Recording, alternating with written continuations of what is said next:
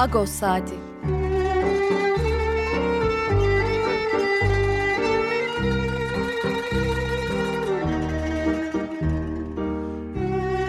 Haftalık Agos gazetesinin penceresinden Türkiye ve dünya gündemi.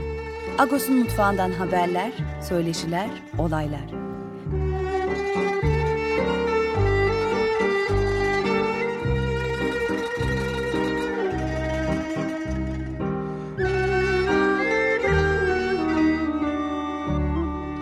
Radyo Agos.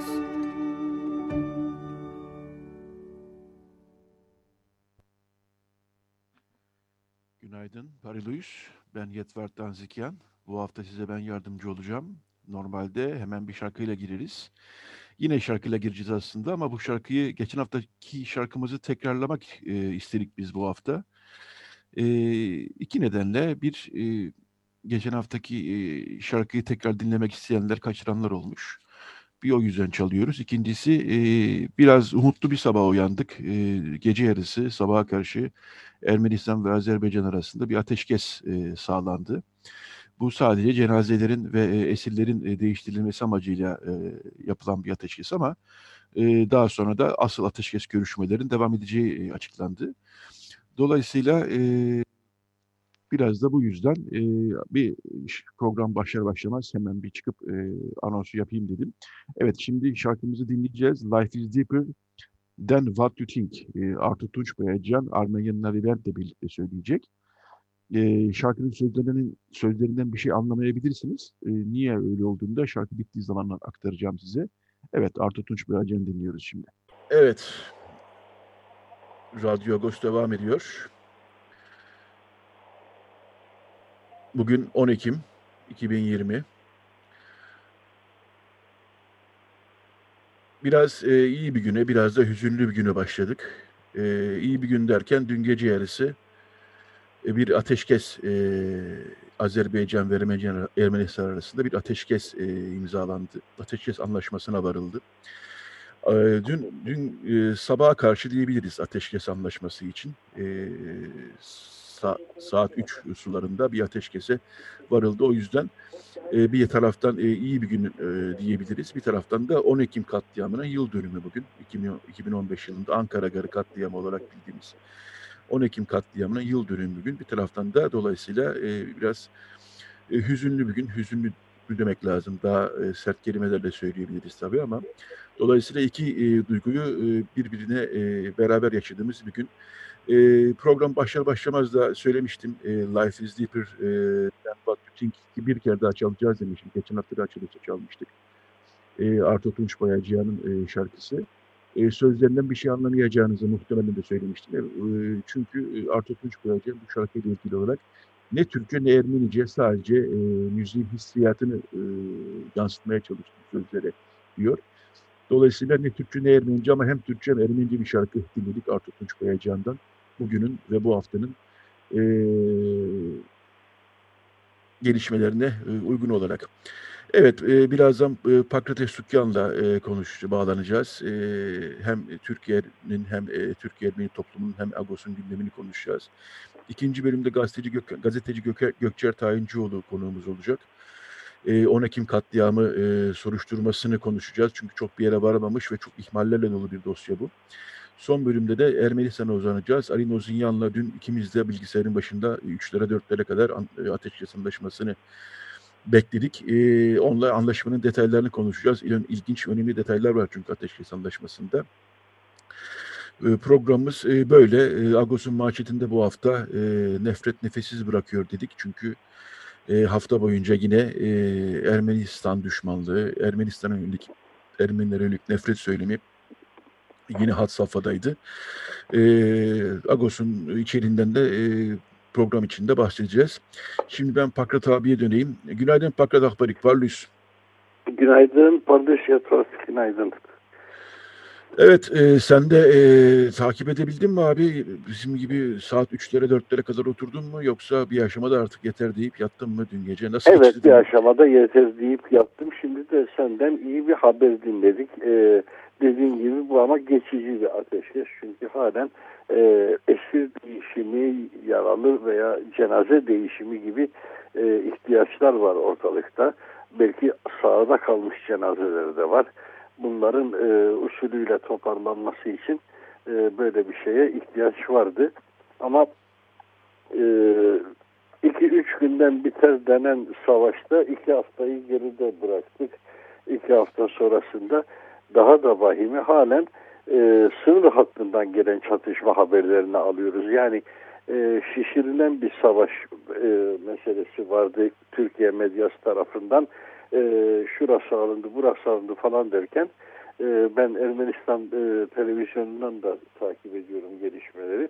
Halen sınır hattında çatışmalardan bahsediyor. Demek ki e, fazla bir ilerleme kaydedemeyen e, bir çatışmalarda her iki taraftan da yüzlerce insan öldü. En azından Ermenistan tarafının asker kayıplarını e, açıklanan resmi sayıda 370 küsür olarak biliyoruz. E, Azerbaycan açıklamadı bu e, sayıları bir sistematik olarak. Yanında sivil kayıplar var. Şehirlerin bombalanması var. E, bu da bir kaygı verici. Şehirler bombalanırken e, bir yandan da kutsal mekanların bombalanması var. Kazancı Soçya Gelesi yani Kazancılar Kilisesi diye de Türkçe'ye tercüme ederiz, edebiliriz bu kiliseyi.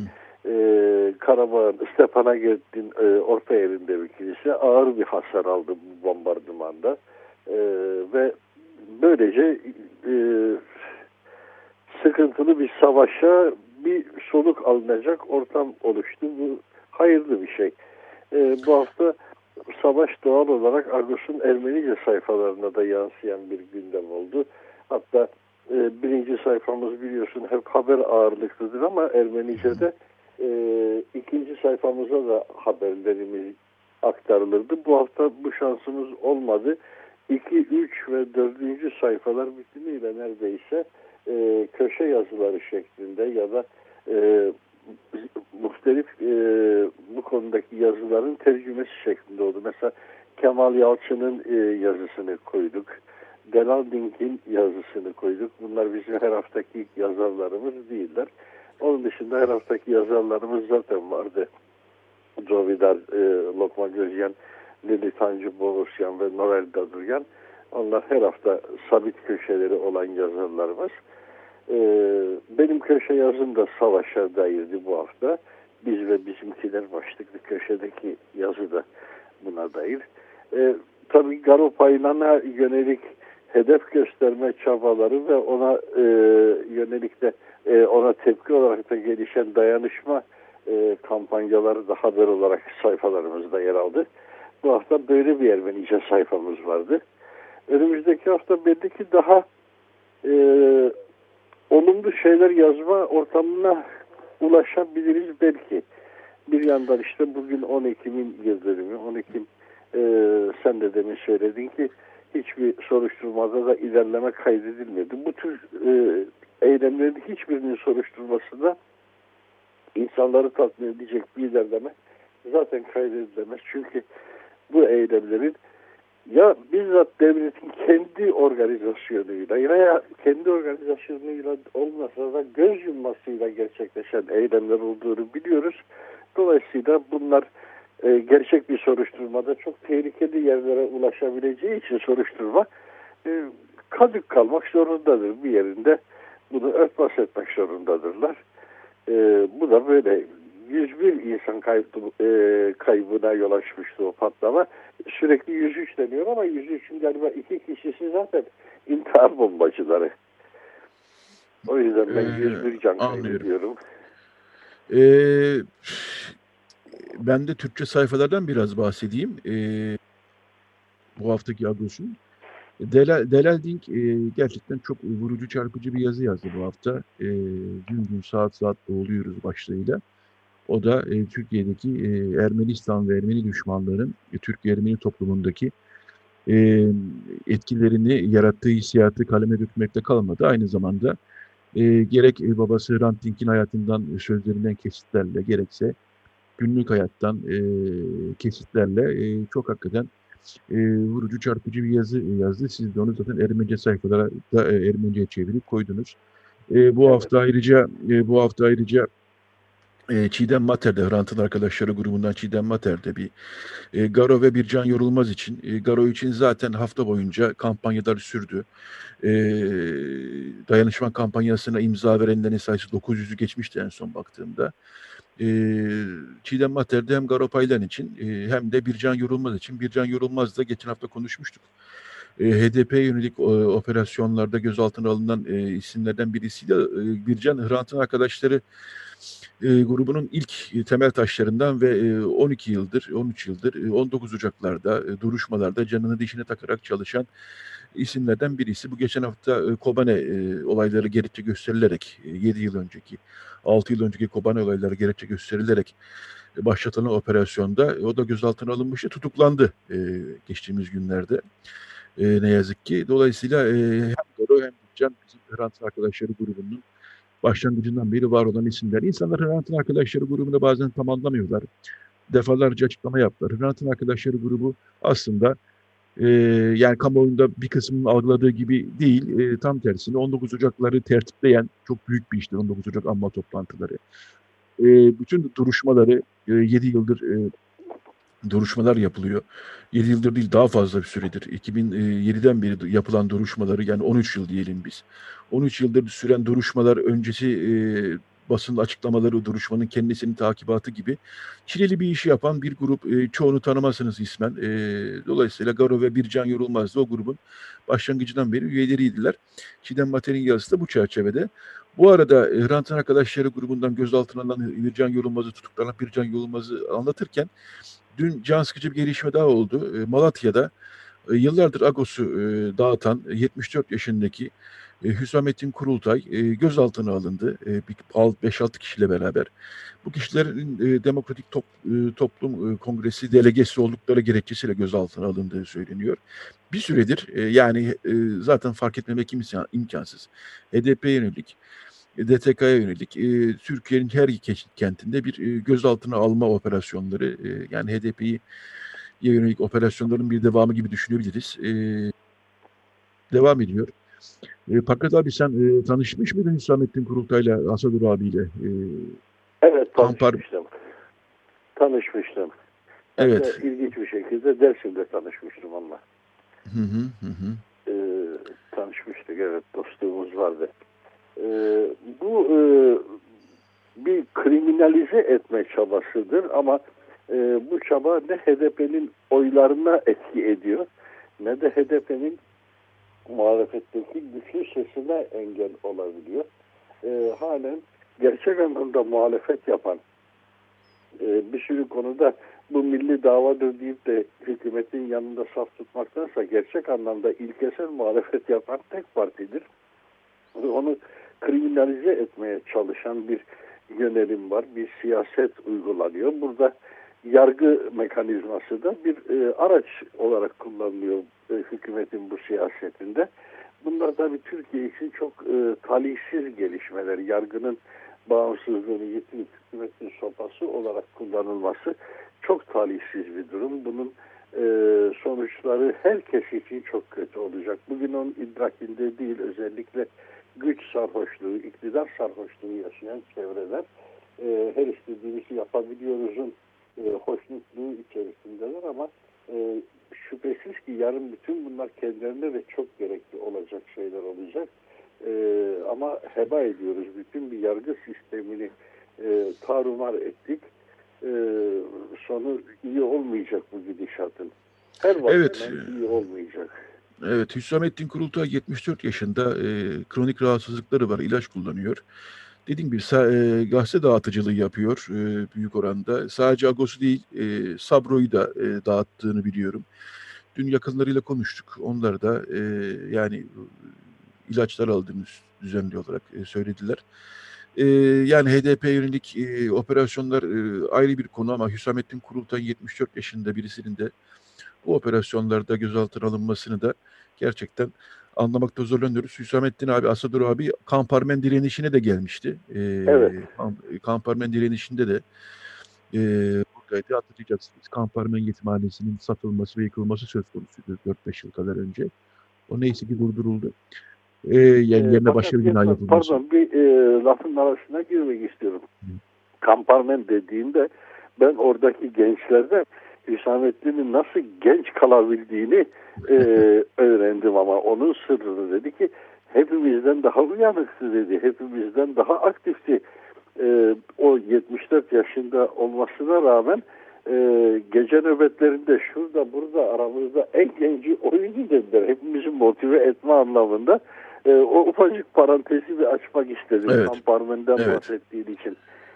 Evet, farklı tabii son birkaç dakika bu bölüm için. Ee, hafta boyunca Kurtuluş Sokakları nasıldı? Ee, yani tedirginiz, e, bir e, sıkıntı içinde izliyoruz.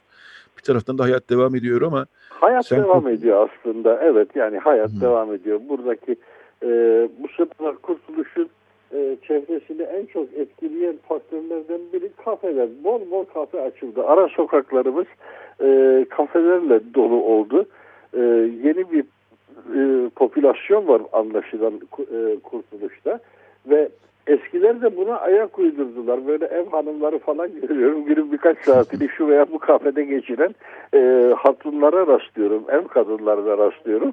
E, orada gene bir canlanma var. Bu pandemi esnasında hepten e, silikleşmiş olan e, çoğu kapalı duran kafeler açıldıktan sonra e, bir daha gene neredeyse eski günlerine yakın bir doluluğa e, kavuşuyorlar. E, bunu görmek, gözetlemek e, güzel. Ama insanların tabii konuşmalarında da bu son savaş mutlaka gündemin belli bir yerini oluşturuyor ve ondaki burukluğu da hissediyorsun. O konular açıldığında herkesin yüzünün asık olduğunu, kaygılı olduklarını da görüyorum. Fakat onun dışında evet içselleştirdiğimiz bir e, kaygılılık hani her ne kadar varsa da e, bu kaygılılık günlük yaşamı etkileyecek gibi bir şey de değil. İnsanlar korkularından burunlarını evden dışarı çıkarmıyorlar falan gibi bir havada yok yani ortalıkta. evet onu da söylemek e, lazım. Havalarda izin verdiği müddetçe e, sokaklar şenlikli. Evet onu da söylemek lazım. Yani bir taraftan da Ermeni toplumu, Türk Ermeni toplumu 80'lerde e, bunu yaşadı, 90'larda bunu yaşadı. E, Hrant Dink e, cinayet öncesindeki atmosferi yaşadı. E, yani sürekli böyle bir 10 yılda bir bu ruh hali içinde oluyoruz. Bu hakikaten yorucu da bir şey bir taraftan gerçekten bir e, toplumu da yoran, insanları da yoran bir şey. Bilhassa yaşı böyle bir 50'nin üzerinde olanlar için ayrıca yorucu. E, gençler, Ermeni gençler yani 20'li, 22'li, 23'lü, 25'li, 30'lu yaşlarda olan Ermeni gençler sürekli bize soruyorlar ne olacak, ne olacak, ne olacak, e, ne yapacağız gibisinden. Onlara hem e, umut e, aşılamaya çalışıyoruz biz de bir taraftan. E, biz çünkü yani 70'lerin e, kendi adıma söylüyorum, sen daha eskisini Akbarik. 70'lerin ikinci bölümünü ben iyi kötü de olsa biliyorum. 80'leri iyi biliyorum. E, 90'ları iyi biliyorum. E, onları bir taraftan umut aşılamaya çalışıyoruz. Bir taraftan bir taraftan da e, memleketin gerçeğini anlatmaya çalışıyoruz. Bu çok zor bir şey aslında. Yani hem umut aşılamaya çalışıp hem de bu memleketin e, ger evet bu var çünkü e, ne yazık ki bu böyle periyodik olarak karşımıza çıkıyor bu. E, milliyetçi atmosfer, nefret iklimi e, şu ya da bu vesileyle bazen Ermenilerle ilgili olmayabiliyor. E, yani yabancı gazeteciler, batıdan gazeteciler bilhassa hafta boyunca buradaydılar. E, bize sordular ne oluyor dedi, ne bitiyor diye. Dedik yani biz e, ben size açıklamakta zorlanıyoruz. 2013-2015 arası çözüm süreci diye bir şey yaşadık biz. Şimdi böyle bir durumdayız. İnsan ve e, hükümet aynı hükümet. E, bunu hakikaten e, biz kendimiz anlıyoruz, duyumsayabiliyoruz. Ama insanlara anlatmakta gerçekten bazen zorlanıyoruz ama e, bilhassa e, Türkiye Ermeni gençlere e, durum anlatırken e, zorlandığımı e, açık e, itiraf etmeliyim Ahbarik. Sen de zorlanıyor musun? E tabii ki yani e, bir nesil vardı ki neredeyse Demirel'le doğdu, Demirel'le büyüdü, Demirel'le yaşlandı diyebiliriz. E, şimdi de 18 yıldır gene bir iktidar var. Bir nesil de bunun içerisinde e, doğdu, büyüdü. E, gerçi ilk yıllarında böyle değildi ama özellikle son yıllarında da bir kabus ortamına dönüştü her şey. Milliyetçilik arttıkça toplum içerisinde bölünme ve e, bir kampın bir kampı düşman olarak görmesi olgusu herkesi gergin bir ülkede yaşıyorum duygusuna e, iyice soktu. Evet normalleşemeyen bir ülkede yaşıyoruz. Gerilim üzerinde e, yürüyen bir ülkede yaşıyoruz. Her an her şeyin olabileceği e, böyle tuhaf potansiyelleri olan bir ülkede yaşıyoruz. Burası bizim ülkemiz, sevdiğimiz ülkemiz ama e, ülke bir yandan da e, Delal Dink'in yazısında da belirttiği gibi saat saat boğuyor sanki insanı. Özellikle bu genç insanlar üzerinde çok e, daha etkin oluyor. Ve o yüzden de bir kez daha Türkiye'nin gençliği ister Ermeni olsun, ister Türk olsun, ister Kürt olsun e, bir şekilde artık bu yılgınlıkla kapağı yurt dışına atmanın gayreti içerisine düşmüşler. E, bu da ayrıca memleket açısından kaygı verici bir şey. Hani ümidimiz gençler, ümidimiz gençler diyoruz. Gençler ise ümidini Kanada'ya bağlamış, bilmem nereye bağlamış. E, Türkiye'den bir çıkayım da nereye gidersem gideyim gibi bir hava içerisinde olan bir gençlik kitlesi var.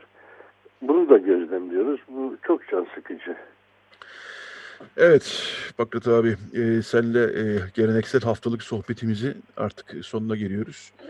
Bu hafta daha iyi bir hafta olmasını ümit ediyoruz. Programın başında da söylediğimiz gibi gece yarısı e, radyolarını şimdi açanlar için söyleyeyim. E, gece yarısı sabaha karşı e, Ermenistan'la Azerbaycan arasında bir ateşkes e, anlaşması sağlandı. Bu ilk aşamada cenazeler ve esirlerin değişimi için ama devam edici de belli oluyor. Evet Pakrat abi çok teşekkürler e, yayınımıza katıldığın için. E, iyi bir hafta dileyelim, dileyelim birbirimize. Evet ben de sana iyi bir hafta diliyorum. İyi yayınlar diliyorum. Teşekkürler. Devamında da ben dinlemede kalmaya devam edeceğim. Teşekkürler. Görüşmek evet. üzere. Teşekkürler Pakrat abi. Ee, evet, e, Radyo Ghost birazdan devam edecek bir şarkı aramız var. Ee, Georgian Dance dinleyeceğiz. AG, A, AGA Trio. AGA Trio Almanya'daki dostlarımızın, Almanya'da Radyo Ghost'un sadık bir dinleyici grubu var. Almanya'daki dostlarımızın hafta içinde bize ilettiği, not, e, hatırlattığı bir grup. E, Türk, e, Gürcistanlı ve e, Ermeni e, bir üç kişiden oluşuyor Almanya'da yaşayan. E, grubun ismi de AG olması da e, Armenian, Georgian, Anatolian e, trio demek. E, Armen Petrosyan var, e, Mikhail Yakut var, e, Mahir Kartal var. E, onların bir e, ezgisini, melodisini, Georgian Dance, Gürcistan Dans e, mezgis, ezgisini dinleyelim. Sonra küçük bir reklam arası. E, daha sonra bir şarkımız da olacak ve e, Gökçer Tayincioğlu'na, gazeteci Gökçer, Gökçer Tayincioğlu'na bağlanacağız ve 10 Ekim katliamının 5. yıl dönümünde soruşturmada nerede olduğumuzu, o katliama nasıl geldiğimizi e, konuşacağız. Evet, AG Atırıyor dinliyoruz şimdi. Radyo Agos. Evet, Radyo Agos devam ediyor. Ee, Kazım Koyuncu'dan, sevgili Kazım Koyuncu'dan dinledik. O Nana'ya dinledik. Via albümünden bir Megrel halk türküsü bu bölüme uygun olduğunu düşündüm. Çünkü bu bölümde 10 Ekim Ankara Garı katliamında kaybettiğimiz yüzü aşkın kişiyi konuşacağız. Çok gerçekten gaddarca bir saldırıydı, bir katliamdı. IŞİD'in cehenneme çevirdiği, Türkiye cehenneme çevirdiği dönemden bir dönemde Suruç katliamıyla birlikte, Diyarbakır patlamasıyla birlikte peş peşe gelen katliamlardan birisiydi. E, onu anıyoruz. Orada hayatını kaybedenleri, tüm o dönemde hayatını kaybedenleri tabii ki, bütün katliamlarla hayatlarını kaybedenleri anıyoruz. Bugün 10 Ekim.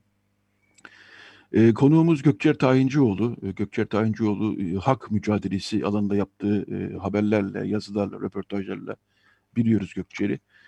Günaydın Gökçer. Günaydın, günaydın. İyi yayınlar Yetvar. Teşekkürler. Ee, 10 Ekim'i sen yakından takip ettin 10 Ekim katliamı davasını. Ee, röportajlar, haberler her yıl yıl dönümlerinde e, yayınlanıyor. Olaydan sonra da çok sayıda e, haber yapıldı. İlk göze çarpan şey şu, sanki göz göre göre gelen bir katliam e, herhalde. Öyle diyebilir miyiz? Sen yakından takip ettin dosyayı. Ben sözü sana bırakayım. E, neler var e, soruşturmada gitmeyen, aksayan, aksamanın da ötesinde hem e, soruşturmada aksayan yanlar var hem de öncesinde biraz e, ihmaller, ihmal bilemek lazım artık ne demek lazım. E, yani galiba, göz göre gele, gelen bir şey bu. Yani galiba aksayan ya da ihmal dememek lazım. Çünkü, evet daha ileri laflar etmek lazım biliyorum farkındayım. Evet, yani e, aksayan e, olsa keşke çünkü hani aksamak bile bir niyeti gösteriyor e, ya da ihmal dediğinizde hani görev yapılmak isteniyor da e, bir kısmı e, gözden kaçırılmış gibi algılanıyor. Ama ikisi de değil. 10 Ekim'i galiba bu 7 Haziran seçimi öncesinden çok bağımsız düşünmek mümkün değil.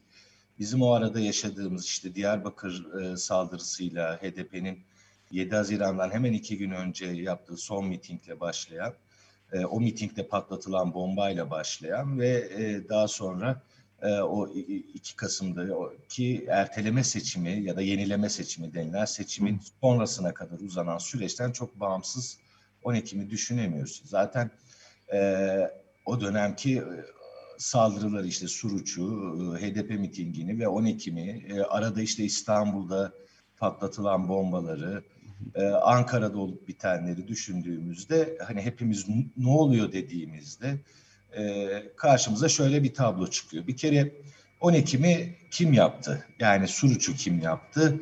HDP'nin mitingine bombalı saldırıyı kim düzenledi? Adres olarak IŞİD. Ancak IŞİD'in e, eylem tarzından farklılıklar arz eden özellikleri var. Bir kere IŞİD'in merkez üssünün üstlenmediği, belli hücrelerinin yapıldığı eylemlerden söz ediyoruz.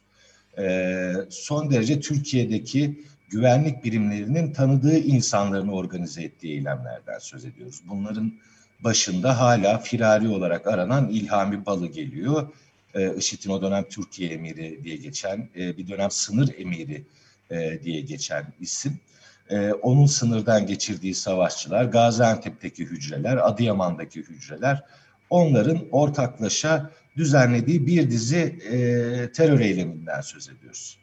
E, kelimenin tam manası işte e, Cumhuriyet tarihinin en büyük terör eylemleri. O terör hani olur olmaz her yere konuşuyor, kullanılıyor kelime olarak. Galiba en çok burada, e, en gerçek anlamıyla burada kullanmak mümkün. Hı hı.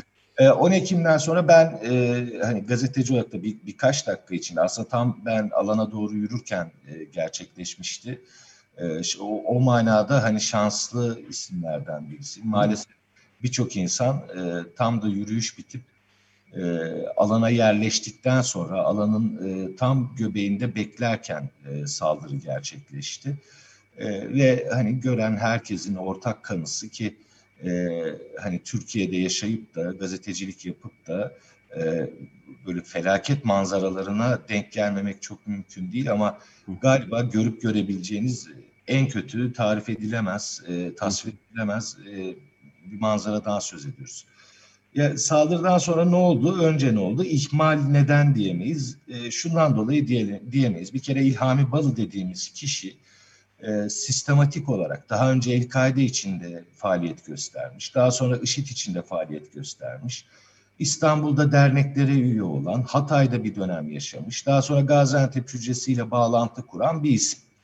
E, 2015'e kadar sınırdan e, sürekli yabancı savaşçıların geçişini, geçişini sağladığı, Türkiye'den IŞİD'e katılmak için gidenlerin geçişini sağladığı net biçimde biliniyor. Nereden biliniyor? Ee, bir kere telefon tapeleri gösteriyor ki sadece İlhami Balı değil. Ee, ona bu IŞİD'e katılmak için geçenleri taşıyanların, taşıyan taksiciler, e, evlerinde saklayanlar, bomba yapımı için gübre alanlar vesaire bunların tamamını biz başka dava dosyalarında tapelerden görebiliyoruz. Bir kere buraya bir yani bir e, altını çizerek bir burada durmamız gerekiyor. Neden bu? operasyon yapılmadı.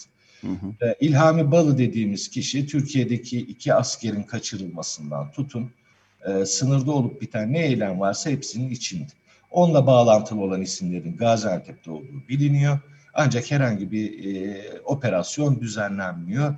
10 Ekim katliamından e, bir sene sonra bazı operasyonlar düzenlenmeye başlanıyor. O zaman da anımsayacaksın sen de e, işte kendisini patlatanlar, polisi öldürenler vesaire vesaire bir dizi operasyona yakalanabilen çok az kişi var. Gerçek vardı. E, bir ikincisi e, herkes çok net hatırlayacaktır. Polisin kendi soruşturma dosyasında şöyle bir bilgi var. 10 Ekim'deki e, barış mitingi eylemine yönelik IŞİD'in saldırı düzenleyebileceğine dair istihbarat birimleri bir e, bilgi almış ve bunu merkeze yazmış durumda.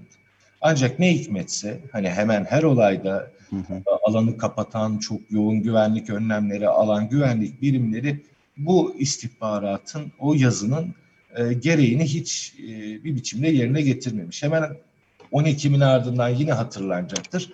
Dönemin Başbakanı Ahmet Davutoğlu e, işte aslında genel olarak bizim önlemleri arttırmamız gerekiyor. Biz saldırı altında bir ülkeyiz diye bundan sonra yapılacak e, eylemlerde alınacak önlemleri kokteyl terör gibi bir garabet ifade e, sürekli olarak dile getiriyordu. Oysa ki 10 Ekim günü öyle bırakın e, büyük önlemleri alana girilirken bugün biz 1 Mayıs'a giderken de başka e, daha çok daha küçük eylemlere giderken de e, defalarca aranıyoruz. E, 10 Ekim günü ise anlaşılamaz bir genişlik, anlaşılamaz bir boş bırakmışlık. E, ilk göze çarpan şeylerden biriydi. O gün eyleme katılanların da sonrasında anlattığı, dikkatini çekilen şeylerden biriydi. Şimdi bu ikisi hep birlikte önemli. Yani operasyon düzenlenmemesi, istihbarat gelmesine rağmen herhangi bir e, adım atılmaması, güvenlik önlemi alınmaması. Hı hı. E, devamında 10 Ekim'in ne oldu? İki ayrı dava var. E, bir tanesi işte 9 sanığın e, 101 herkes ağırlaştırılmış müebbete mahkum edildiği ana dava dediğimiz dava. Ee, o zaman şöyle bir tartışma olmuştu. Ya daha ne yapsın mahkeme işte 9 kişiye 101 herkes ağırlaştırmış müebbet hapis cezası veriyor. Yani verilebilecek en ağır ceza. 101 kez verdiğinizde içeriden çıkması mümkün değil vesaire.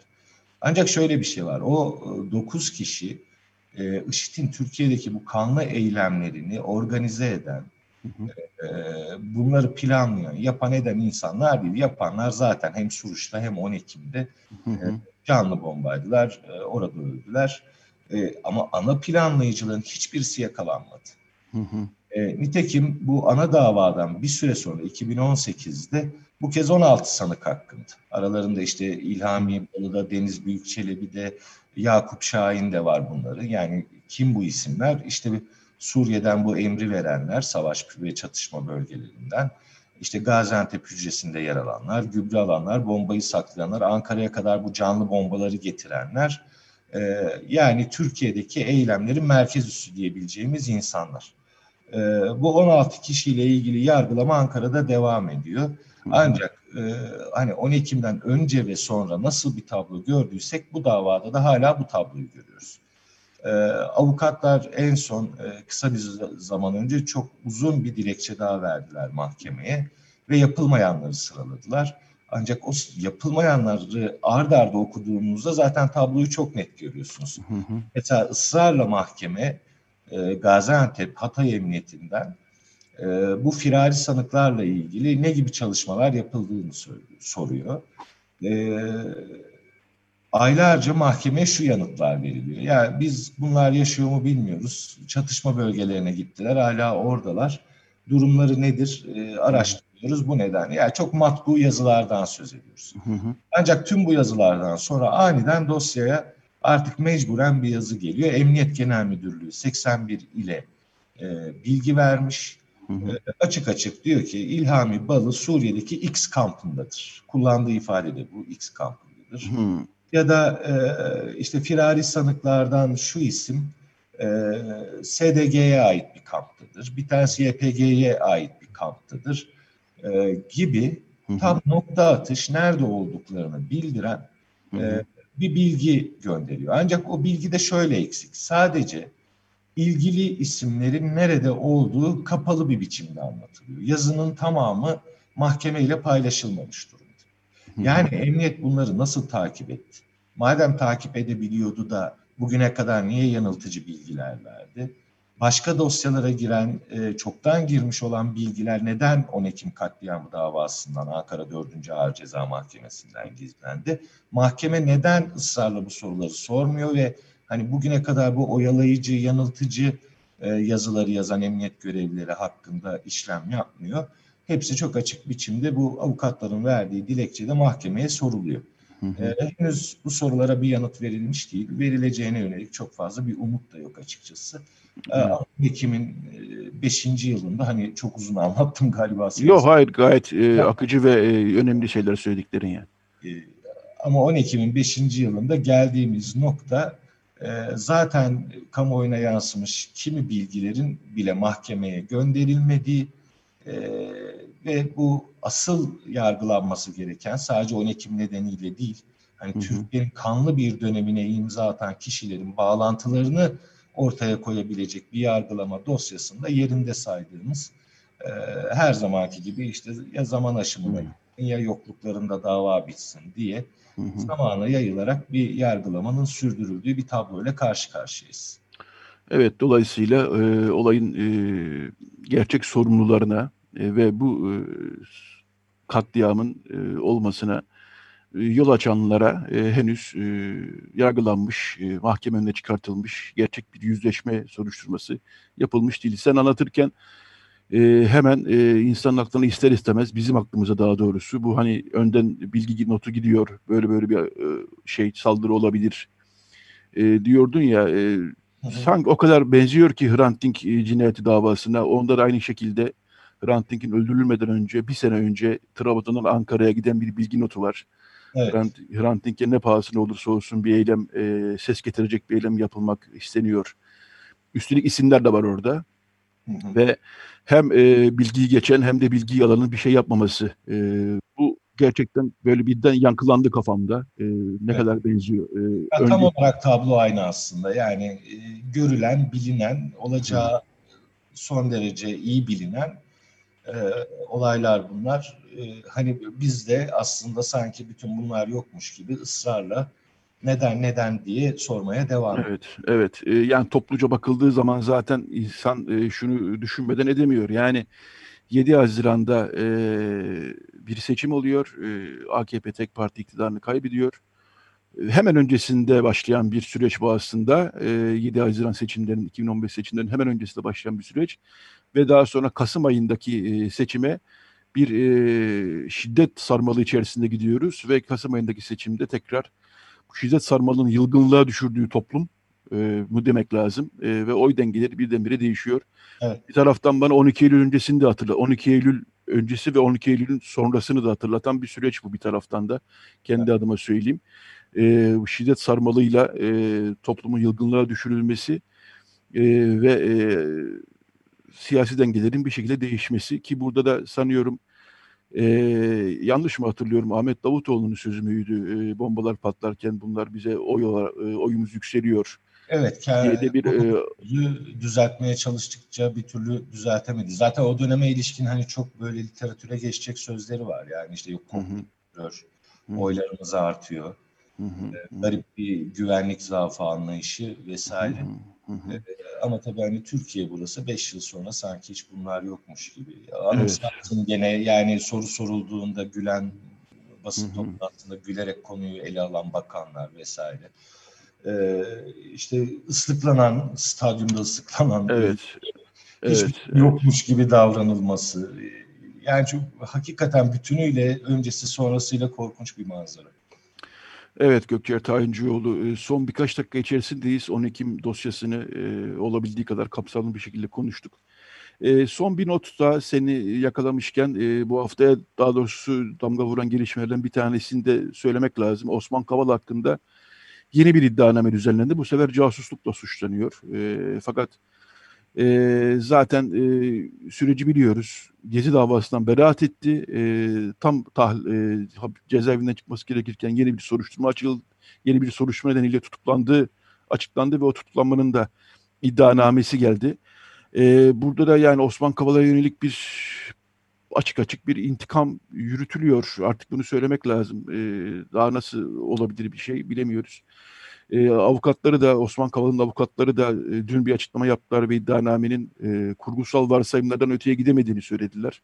Evet. Sen göz atabildin mi iddianameye veyahut da gelişmelere?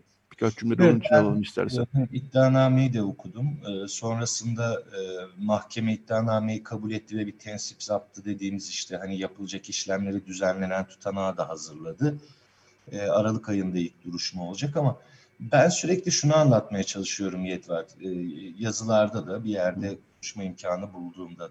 Hani Türkiye'de şöyle bir alışkanlık oluşmuş durumda. Hani yargı yoluyla her şeyi halletmek. İşte yani düşmanlaştırılan bir kişiyi orada e, işte özgürlüğünden mahkum bırakarak ölüme belki mahkum etmek. E, yaşarken ölüme mahkum etmek diye düzelteyim. E, yani artık e, farklı kesimlerde bile yani çok alakasız olaylarda Hani herkes herkesin tutuklanmasını istiyor. Böyle bir memleket profili var bir kere. Ya Osman Kavala'yı hani tanıyanlar, tanımayanlar böyle bir bölünmüşlük de var. Yani dosyayı konuşmaktansa kişileri konuşmayı arzu ediyorlar. Kimisi diyor ki dünya görüşü bana yakın değil. Kimisi diyor ki ya bu kadar işte hak mücadelesi vermiş bir insan. Bunların hiçbir önemi yok. Osman Kavala dosyası baştan sona çok garip, hakikaten yargı işlemleriyle açıklanamayacak, yargısal biçimde açıklanamayacak bir dosya.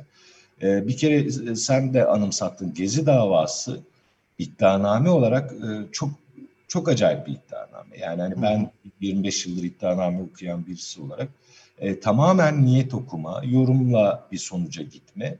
E, nitekim şaşırtıcı biçimde, gene tırnak içinde kullanayım o şaşırtıcı biçimde, beraatle sonuçlandı. Beraatle sonuçlandığı gün Kavala tahliye edilecekken e, bir baktık ki daha önce de tahliye edildiği açık bir soruşturma dosyası aynen o gün raftan inmiş ne hikmetse o gün tutuklanması gerektiği anlaşılmış.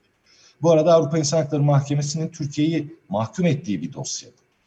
Fakat sonra e, savcılık bunu da fark ediyor ve diyor ki ya biz e, Avrupa İnsan Hakları Mahkemesi'nde mahkum olmuştuk bu suçlama nedeniyle.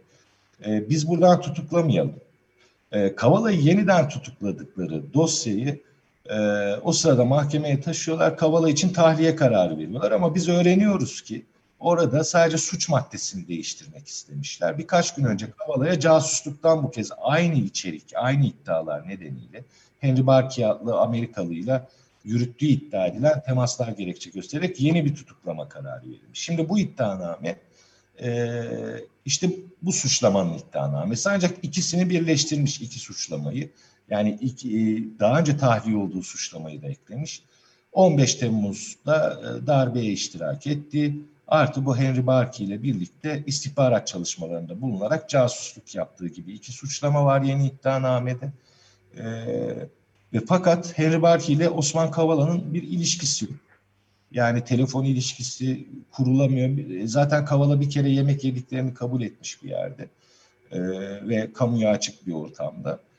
Ee, onun dışında herhangi bir şey görmüyorsunuz. İddianamede bunlar anlatılıyor. Henry Barkey'in işte kişisel temasları. Mesela Barkey'in şu işlemi şüphelidir diyor. 15 Temmuz'da Büyükada'ya gelip oradan gelişmeleri tamam diyorsunuz. Herhalde Barkey ile ilgili bir şey söyleyecek. Ama Kavala ile ne alakası var diyorsunuz okurken. E, aslında iddianame de bizim sorduğumuz şeyi soruyor. Sonra da diyor ki evet diyor biz diyor çok fazla bir temaslarını bulamadık. Bunun sebebi de bu Henry Barkey'in istihbarat konularında çok aşırı uzmanlaşmış olmasıdır. Bu nedenle diyor görüşmelerini gizlemişlerdir. E peki nasıl sen e, herhangi bir kanıt bulamadan bu davayı açtın? Buna elbette bir yanıt yok. Gitsin yargılansın tutukluluğunun da devamını diyor. Ama orada da bitmiyor. Ee, işte en son tensip zaptı düzenlendi. Dün avukatlar da açıkladılar akşam saatlerinde. Orada Kavala'nın yargılama e, yapılana kadar tutukluluğunun devamına karar veriliyor. Biliyorsun aylık incelemeler yapılır. Evet. ilgili. E, fakat orada e, mahkeme de artık o kadar umursamıyor ve otomatiğe bağlanmış ki Kavala'nın daha önce tahliye olduğu suçlama içinde tutukluluğun devamına karar vermiş. İki ayrı suçlamadan. E, öyle de bir komiklik var. Ee, yani umarım e, yargılama aşamasında e, bir noktada hani gerçekten evet. kanıtlar üzerinde konuşulur e, ve evet. hani özgürlüğünü bin günü aşkın süredir mahkum olma hali sona erer diye umut ediyorum. Evet, bu da gerçekten e, can e, sıkıcının ötesine geçmiş e, ve e, açık açık Kavala'yı artık bir tür biz öyle istiyoruz hapiste kalacak e, manasına evet, gelen e, suçlamalarla cezaevinde tutulduğu bir davaya dönüştü.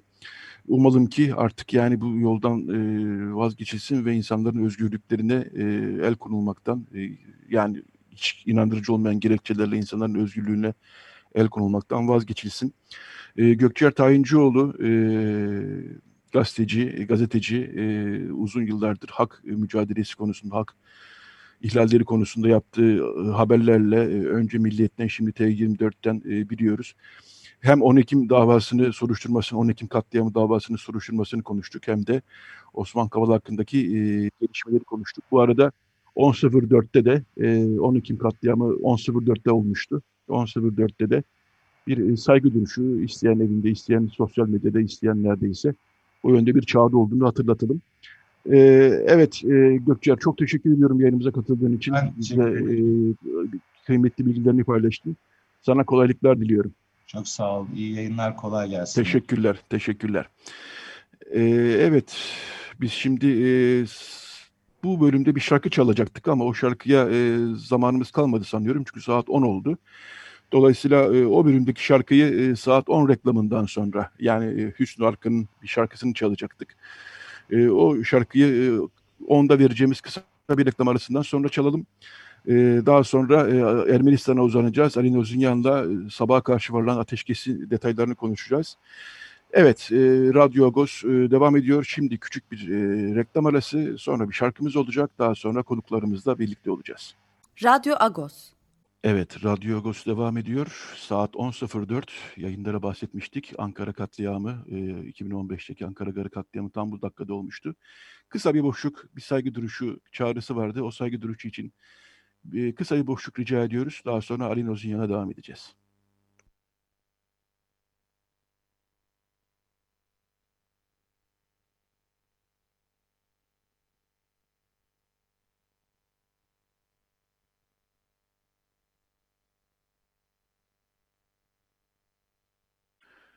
Evet, 10 Ekim katliamında hayatını kaybedenler için kısa bir boşluk, sessizlik yaşadık. Arası verdik, bir saygı duruşu anlamında. Buradan o katliamda hayatını kaybedenleri, bütün katliamlarda hayatlarını kaybedenleri tabii ki anıyoruz. Evet, şimdi bu bölümde Ermenistan'a uzanıyoruz. Ali Nozunyan hattımızda. Günaydın Alim, parlıyız. Günaydın Yetvart. Dün e, bilgisayarların başında karşılıklı olarak sen Ermenistan'da ben burada birkaç saat öncesine kadar e, bilgisayarların başındaydık. E, ateşkes anlaşmasını takip ettik. Çıkacak mı çıkmayacak mı diye. Bizim saatimizde 3 sabah karşı 3 sularında sanıyorum sizin saatleri 4 oluyor. Evet. E, bir ateşkes anlaşması. Bu iyi bir haber sonuçta.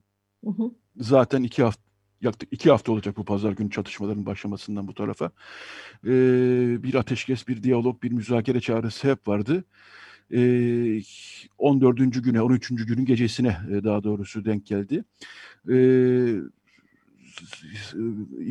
Twitter üzerinden seninle mesaj açtık zaten. Bu kadar uzaması ne manaya geliyor dedik. Anlamlar çıkarmaya e, çalıştık ama 10 saat süren bir toplantı herhalde diplomasi tarihinde e, nadir görülen bir şey değil mi? Evet. yani Kremlin tarihine de geçti. Büyük evet, evet. Ee, ben kısaca özetleyeyim. Ee, birdenbire hızlandı. Ee, Perşembe akşamı, Cuma günü Putin, Rusya Devlet Başkanı Putin önce e, e, Ermenistan Başbakanı ve Azerbaycan Cumhurbaşkanı ile telefonda görüşmeler yaptığını ve iki ülkenin dışişleri bakanlarını e, cenazelerin ve esirlerin e, değiş tokuşu amacıyla bir e, ateşkes e, niyetiyle çağırdığını, davet ettiğini söyledi. İlk ülkede buna e, tamam dedi. E, Dışişleri Bakanları yani Mına Saganyan ve Bayramov e, Moskova'ya gittiler.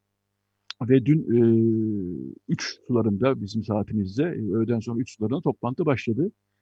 E, biz herhalde 2-3 saat içerisinde bu iş belli olur diye düşünürken genel olarak yani 4 saat olsun 5 saat olsun e, 11 oldu ses yok, gece 12 oldu ses yok. Artık yani bu iş e, nereye varıyor diye insanlar meraklanmaya başladılar.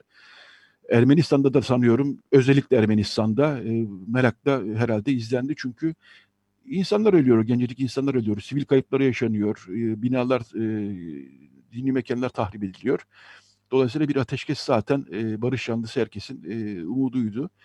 Şimdi e, sözü sana bırakacağım ama bu herhalde şöyle bir şey, e, asıl ateşkes diyemeyeceğiz galiba buna. E, cenazeler ve esirlerin değişimi için yapılmış bir ateşkes. Asıl ateşkes görüşmelerinde daha sonra başlanacak diye anlıyorum. Sözü sana bırakıyorum. Yani şöyle özetleyebiliriz Yetvart. Aslında e, iki Dışişleri Bakanı'nın da 10 saat boyunca Lavrov'un önünde oturması büyük bir göstergeydi. Yani çıktısını bırakalım toplantının. 10 saat boyunca e, onlara anlaşmaları gerektiği anlatıldı. Yani anlaşmaya zorlandılar. Bu iş masada bitecek dendi. Şimdi imzaladıkları belgeye baktım ben.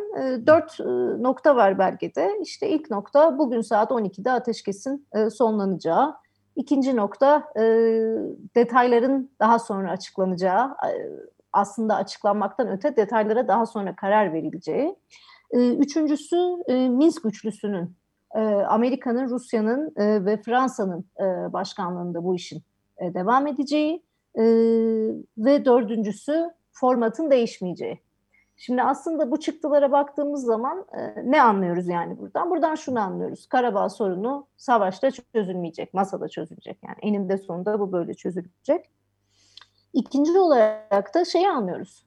Türkiye bu işe müdahil olmayacak. Yani Minsk üçlüsü bu işe başladı 30 sene önce. Minsk üçlüsü bu işi bitirecek e, ve arabulucu olacak. Şimdi bunlar e, tekrar kesinleşti. Aslında bildiğimiz e, şeylerin tekrar e, altı çizildi. Şimdi yorumlara geçmeden önce kim kazandı, kim kaybetti e, çok kabaca belki konuşabiliriz ama hı hı. E, takip ettin mi bilmiyorum. Sen programdaydın. E, Azerbaycan tekrar Stepan'a geldi, bombalamaya başladı ateşkese iki saat kala.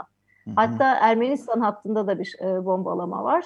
Hı hı. E, yani sonuçta evet iki saati daha var Azerbaycan'ın. Ateşkes 12'de başlıyor.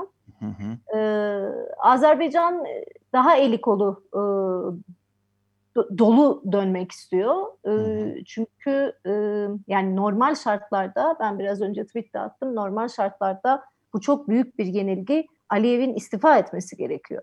Yani 13 gün boyunca çok büyük aktif bir savaş.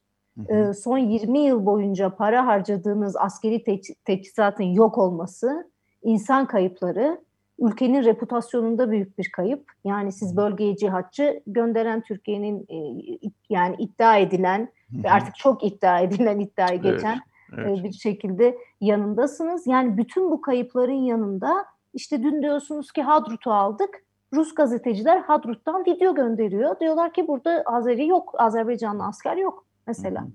Yani artık şey üzerine şey, yalan üzerine yalan. Aliyev çok köşeye sıkışmış durumdaydı. Dün takip ettim mi bilmiyorum. Ee, yani saat 3'te başladı Moskova'daki toplantı. Yanılmıyorsam saat yani yanılabilirim çok şey hatırlamıyorum ama 5 gibi Aliyev şey yaptı halka seslendi. Evet. Yani bir e, şey gibi böyle müsamere gibi işte Ermenistan'ın şu kadar tankını vurduk, şu kadar askerini vurduk. İşte Paşinyan artık bitti. Ermeniler neyin ne olduğunu anladılar. Onlara son bir şans veriyoruz.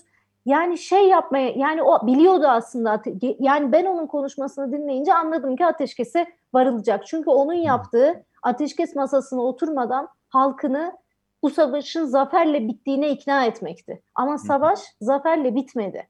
Hı hı, hı. Ve ve bu yüzden Aliyev'in durumu e, gerçekten zor e, şu anda. İşte Anlıyorum. son iki saat e, bir şeyler daha e, almaya e, çalışıyor. İşte iki köy olacak ee, aslında keşke Ermeniler çekilse de mesela ben dün de dedim bunu. Yani bu adamın durumu çok zor. Savaşı bırakması için birkaç şey verilmesi gerekiyor buna. Ama bu aynı şekilde şey olarak da algılanabilir. Yani siz bir agresöre, siz bölgeyi birbirine katmaya çalışan bir insana e, tevazu gösteriyorsunuz, hediye veriyorsunuz gibi de e, algılanabilir. Tabii zor pazarlıklar bunlar. Ama evet. ateşkesin kalıcı olabilmesi için iki taraf da taviz verecek. Yani Ermenistan da taviz verecek artık. Bu böyle evet. süremez. Bu böyle ben, süremez. Ben bir, ee, yani etraftaki yedi rayon var.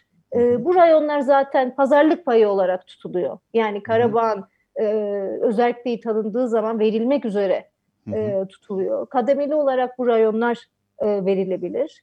E, ki yani bu rayonlar şey yüz ölçüm olarak Karabağ'dan daha büyükler. Hatta Azerbaycan'ın yüzde yirmisine e, tekabül ediyorlar. Hı hı. İşte e, Aliyev olur mu olmaz mı bilmiyorum yani. Hı hı.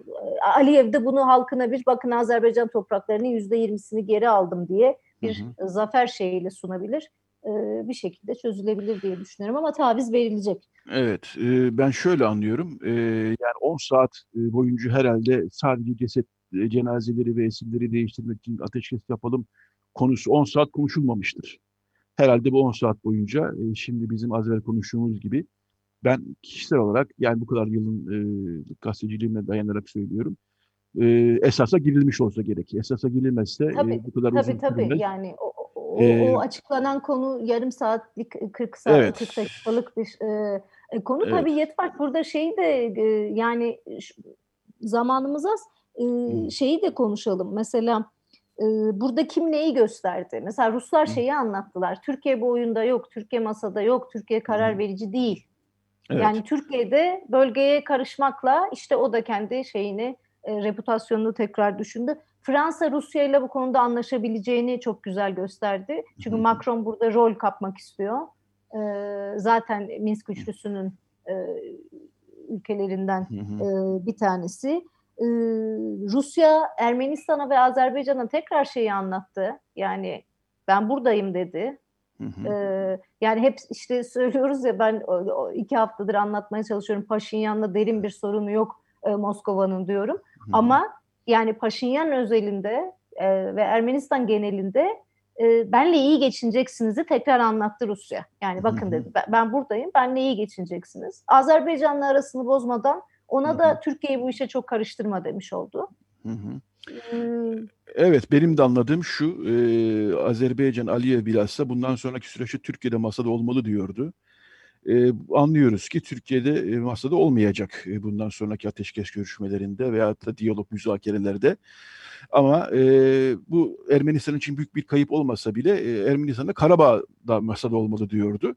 Karabağ'da olmayacak, e, onu anlıyorum. E, ama e, yine de şunu kendi adıma çıkarıyor, çıkarıyorum bütün. Az evvel sen de söylediğin e, artık e, birileri bir tavizler verecek. Yani Ermenistan e, bilhassa gerçekten e, Karabağ, Ermenistan'la Karabağ'ı bağlayan e, bölgede iyi e, kontrol altına alıyordu. Azerbaycan toprağı orası.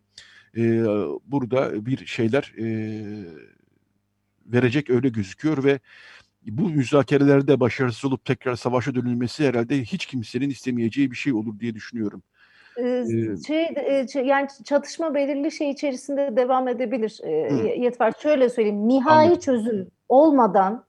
Yani nihai çözüm olmadan e, ki benim kafamdaki niha- nihai çözüm iki tarafı da bilerek şudur. işte dediğim gibi Azerbaycan'a yüzde yirmisi kadar bir toprak geri verilir ama e, Ermeni popülasyonunun e, başından beri yoğun olduğu Karabağ'ın özelliği kabul edilir Hı hı. bu nihai çözüm olana kadar ya da daha iyi alternatif bir nihai çözüm üretilebilir belki süreç içerisinde. Çatışma e, belirli şeyle e, devam edecektir. Çünkü artık e, işte Azerbaycan için bu bir iç siyaset e, konusu haline geliyor. Aynı e, Türkiye'de gördüğümüz gibi. Ee, sabah e, Ermenistan medyasındaki e, hava neydi? Televizyonlar, internet siteleri. e, onlar büyük bir kayıp Ya olarak se- sevinilemedi, sevinilemedi ateşkesi. Çünkü hemen akabinde Azerbaycan tekrar e, şeyi başkent Stepanakert Başkent hava saldırısına tutmaya başladı. Hazırlıklıydılar, biliyorlardı, Hı. çok iyi tanıyorlar birbirlerini. Evet, E, hatta evet. Ermenistan yönünde de bazı şeyler oldu, saldırılar. Püskürtebiliyorlar. Yani hı. dedikleri o, püskürtüyoruz, statikoda değişiklik yok. E, onu diyorlar. Şu an şey çok sıcak Yetvart yani Evet, ne sevinmek evet. için ne hesap yapabilmek için çok sıcak ama e, şey diyelim e, yani ateşkes savaşın nasıl savaşın nasıl iyisi olmaz ateşkesin de kötüsü olmaz. Tabii, tabii, yani evet. ateşkes her durumda iyidir. Biz Hı hı. bir soluklansın taraflar artık e, insanlar ölmesin iki taraftan da. Hı hı. Şimdi Ermenistan sayılarına baktım ben bu sabah. Azerbaycan biliyorsun kayıp hiçbir şekilde kaybını göstermiyor. Yani ne teçhizat Evet. kaybını gösteriyor ne insan kaybını. 4369 asker deniyor Azerbaycan tarafından. Çok Az- büyük rakam. Ermenistan mı bunu öne süren kişi? Öne süren kurum. Ermenistan kaynakları bu hı. sayı veriyor. Ya şöyle diyeyim sana gel ikiye bölelim. Evet. Güvenmeyelim bu sayıya. Gel Evet, ikiye evet. bölelim 2000, ki- 2000 kişi. Bu Evet. kabul edilebilir bir şey değil yani bir Evet. hükümet. Evet. Ve, ve hiçbir şey geri almadan gidiyorsun. Bak yani sen Karabağ almış olsan Hı hı. işte ya da yarısını almış olsan bir şeyini almış olsan diyeceksin ki işte vatanımızı şey yaptık 2000 e, şehit verdik. Bu bu edebiyatla e, konuşacaksın. E, şey yok. Öyle bir şey de yok. Tabii şu da var. Bak başa dönelim. Azerbaycan bu savaşa işgal edilen topraklarımızı geri alacağız diye başladı. Hı hı. Dün 10 saat masada oturdu Azerbaycan. Yani Hı hı. bu bu bu, bu şeydir. Ee, bu, bu çok büyük siyasette e, yani ne kelime kullanayım bilmiyorum. bir yenilgi mi demek lazım bilmiyorum. Yani yenilgi ve halkına karşı çok büyük sorumsuzluk yani. Çünkü hı. bütün kullandığın kaynak halkın kaynağı. Yani para da halkın, can da halkın. Evet, evet. Ee, şunu da e, not edeyim. Ee, Ermenistan, e, Karabağ güçleri daha doğrusu bütün bu 13 gün boyunca yaklaşık 370'e varan ya da 300, 300'ü geçen daha doğrusu bir asker kaybı açıkladı. Evet. Ee, bu da aslında ciddi bir kayıp bir taraftan. Yani e, nüfusu oranlarsan eğer ve e, çatışmaların kısa sürmesi yani topu topu 13 günlük bir, yani bize göre uzun, yaşayanlar için çok uzun. Genel olarak 90'larla 93 90'lardaki Karabağ Savaşı'yla kıyaslarsak kısa bir süre aslında. Ve Ama bu teçhizat bu sefer çok ağır. Evet, 94'te evet. iki tarafında böyle silahları yoktu. Yani şey sokak savaşı gibiydi. Şimdi öyle değil. Şimdi bayağı evet. bayağı bildiğin savaş yani. Evet evet. Ee, yani bu bununla beraber yani 300'ü aşkın bir e, askeri kayıp Ermenistan açısından e, Karabağ güçleri açısından ciddi bir kayıp. E, şunu sorayım ben. E, var bir 5-6 dakikamız daha aşağı yukarı. Hafta boyunca Ermenistan'da e, atmosfer nasıldı, hava nasıldı? Çünkü e, birkaç gelişme sanıyorum damgasını vurdu. Bu, e, evet karşılıklı sivil bölgeler bombalanıyor. E, yani hem Azerbaycan tarafında. Geçen hafta Gence'nin bombalanması damgasını vurmuştu. Son 2-3 güne de Şuşi'deki o e, tarihi kilisenin e, tahrip evet. edilmesi damgasını evet. vurdu. Bu da sanıyorum hem Ermenistan'da hem de yani dünya Ermenilerinde genel olarak bütün dünyada yankı yaratmış gözüküyor. E, çok çok yani bir, bir kısım büyük hayal kırıklığı yaşıyor. Şeyden dolayı hayal kırıklığı yaşıyor. Yani neden 100 senede hiçbir şey değişmedi? Yani işte kilise burası. Yani niye burayı hedef alıyorsunuz? Bir kısmı büyük hayal kırıklığı yaşıyor. Şey yani gelecek için hayal kırıklığı yaşıyor ki e, çünkü şey Yetvart yani olduğun bölge belli, komşuların belli. Ya eninde sonunda barışıp tekrar tanışıp bir şeyler yapmalısın. Yani başlamalı bir yerde. E böyle olunca başlayamayacak hissi tekrar geliyor. Yani böyle nasıl başlayacağız geliyor. Belirli bir kısımda da çok e, güçlü bir rövanş e, şeyi var tabii ki. Yani siz bize böyle yaptınız, biz vermeyeceğiz, biz şöyle yapacağız, böyle yapacağız. Genelde şey e, tatsız tabii. Evet, evet. Ee, şunu da hatırlatayım ben yeri gelmişken. E, bu haftaki Ağustos'a yer verdik. E, geçen hafta bir Azeri ve Ermeni gençlerin başlattığı bir kampanya vardı. Bir kısa bir barışa çağrı, müzakereye çağrı bildirisi daha doğrusu. O kampanyaya imza atanlara baktım. Ben de imza attım işin doğrusu. Hı hı. Ve e, gerek Azerilerden, gerek Ermenilerden, gerek dünya çapında, yani dünya ölçeğinde daha doğrusu çok sayıda insanın da imza attığını gördüm. Bunların tabii çoğu e, muhtemelen bir kısmı belki çatışma bölgesinde yaşıyordur ama çoğu çatışma bölgesinin dışında yaşayan gerek Azeri gerekse Ermeni diasporalarından insanlar olduğunu farkındayım tabii ama bir taraftan da e, toplumsal anlamda, e, sivil anlamda da bir e, barış, diyalog, müzakere çabası da yürüyor. Bilmiyorum bunlar ne kadar etkili oluyor e, masada ama e, bunların da e, altını çizmek ve hatırlatmak icap eder diye düşünüyorum. Yani diyalog isteyenler, barış isteyenler, temas isteyenler düşündüğümüzden daha çok aslında. Yani en kartallar bile, en şahinler bile bir yer geliyor şey istiyorlar yani diyalog istiyorlar. Burada sorun şey yani muktedirin sesi çok yüksek çıkıyor. Yani sayı, sayıdan ziyade hı hı. E, yani az bile olsa işte çatışmayı isteyen, savaşı isteyen kontrol onların elinde. Bütün hikaye buradan başlıyor aslında Azerbaycan e, tarafında da. Yoksa ben yani Azerbaycan halkının da e, yani bakmayalım o propagandalara. Kim çocuğunu savaşa göndermek ister? Yani kim için bir toprak kendi evladından daha kıymetli olabilir? Ben ben ben inanmıyorum buna. Yani belki öyle demek zorunda kalıyorlar ama ben ben bir anne olarak da yani buna inanmıyorum. İnsanın çocuğundan daha önemli bir toprak bilmiyorum yani. Evet, e, bu bir e, altın çizmemiz gereken bir konu. Bir taraftan da tabii e, ben barış müzakerelerde herhalde bir taraftan da yerinden edilmiş insanların da geri dönmesi sanıyorum en zor kısımlardan bir tanesi bu olacak. Çünkü yıllarca biz Kıbrıs konusunda buna tanık olduk. E, yerinden edilmiş, e, mübadeleye tabi tutulmuş veyahut da yerini, evini, yurdunu bırakmak zorunda kalmış insanların tekrar kendi topraklarına dönmesi e, ciddi bir konu, önemli bir sorun, bir e, tabii hak ihlali, e, temel yaşamsal bir hak ihlali. Dolayısıyla bunların iç içe konuşulacağı bir e, süreç e, sanıyorum, umuyorum daha doğrusu bizi bekliyor. Konuşulmasından e, umduğumu e, söylemek istiyorum. Konuşularak çözülmesini umduğumu söylemek istiyorum. Bütün bunların konuşulacağı bir süreç bizi bekliyor ama e, herhalde kapatırken e, birkaç dakikamız içerisinde şunu söylemek e, gerekir e, Rusya bu işi ben çözerim e, demiş mi oldu? Yani hep Rusya ne diyecek, Rusya ne yapacak diyorduk ya. Al sana Rusya mı oldu yani bir, bir anlamda. Yani yani öyle oldu tabii. Ya ben hatırlarsan baştan beri diyorduk bunu. Yani bu, bu, burası onun, bu bölge onun bölgesi. Onun yani tahammülü yok burada Türkiye'nin parmak sallamasına, at koşturmasına. Ama bir de şöyle bir şey var. Burayı es geçmeyelim. Mesela dün Kanada Başbakanı da çağrı yaptı. Türkiye bu işten uzak dursun dedi. Hı hı. Şimdi e, yani ateşkesten sonra başka şeyler de olabilir. Mesela kullanılan e, yasa dışı silahlar var savaş sırasında. Yani AF örgütünün e, raporladığı. İşte bir, bir e, kiliselerin vurulması var. Yani bunlar savaş suçu. Şunu demek istiyorum. Eğer yabancı ülkeler, Batı, e, Minsk grubundaki diğer ülkeler e, Türkiye'nin bu gelişen saldırgan dış politikasıyla uğraşmak isteseler bu 13 gün içinde ellerinde çok şey geçmiş durumda. Yani bir tek Rusya'nın ben bu bölgenin sahibiyim demesi dışında çok şey konuşmak istemiyorum. Anladım. Yani anladım. daha büyük daha büyük sorunlara da şey olabilir. Yani genel dengeler daha da değişebilir bu 13 hı hı. gün içerisinde. Evet Ayın e, çok teşekkür ediyorum e, yayınımıza katıldığın için. E, bunları da konuşacağız. E, önemli bir sürece giriyoruz aslında. Yani en az e, çatışmaların kendisi kadar önemli bir sürece giriyoruz. E, müzakere, diyalog.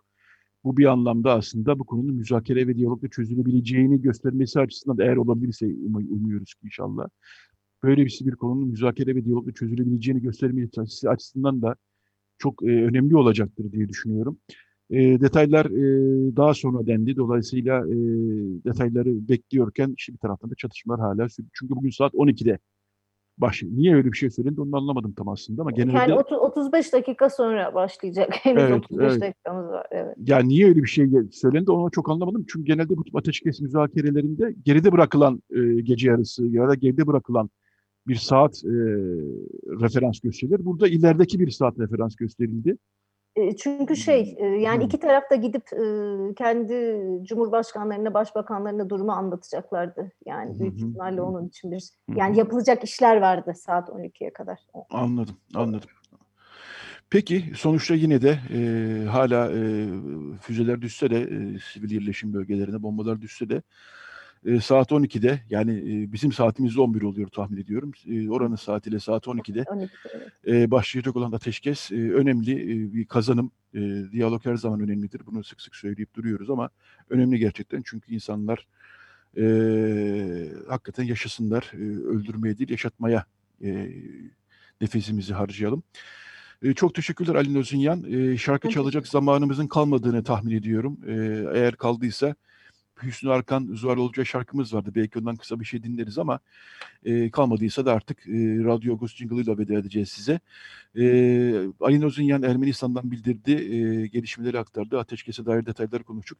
Teşekkürler Alin, kolay gelsin sana. Ben teşekkür ederim. Size de. Size Teşekkürler. De Teşekkürler. Evet, e, Rejide e, Veren Baltaş e, yardımcı oldu. 10 Ekim'i andık, 10 Ekim katliamı dönemleri andık e, Ermenistan-Azerbaycan arasındaki e, ateşkes anlaşmasını konuştuk. E, Radyo Agos'tan bu haftalık bu kadar. Haftaya yeni bir Radyo Agos'ta buluşmak üzere diyoruz. İyi bir hafta sonu dilerim.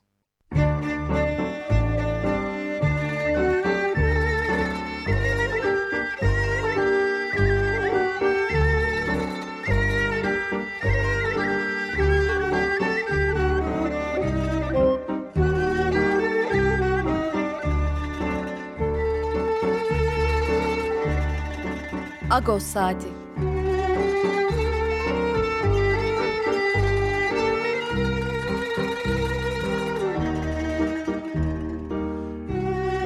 Haftalık Agos gazetesinin penceresinden Türkiye ve dünya gündemi. Agos'un mutfağından haberler, söyleşiler, olaylar.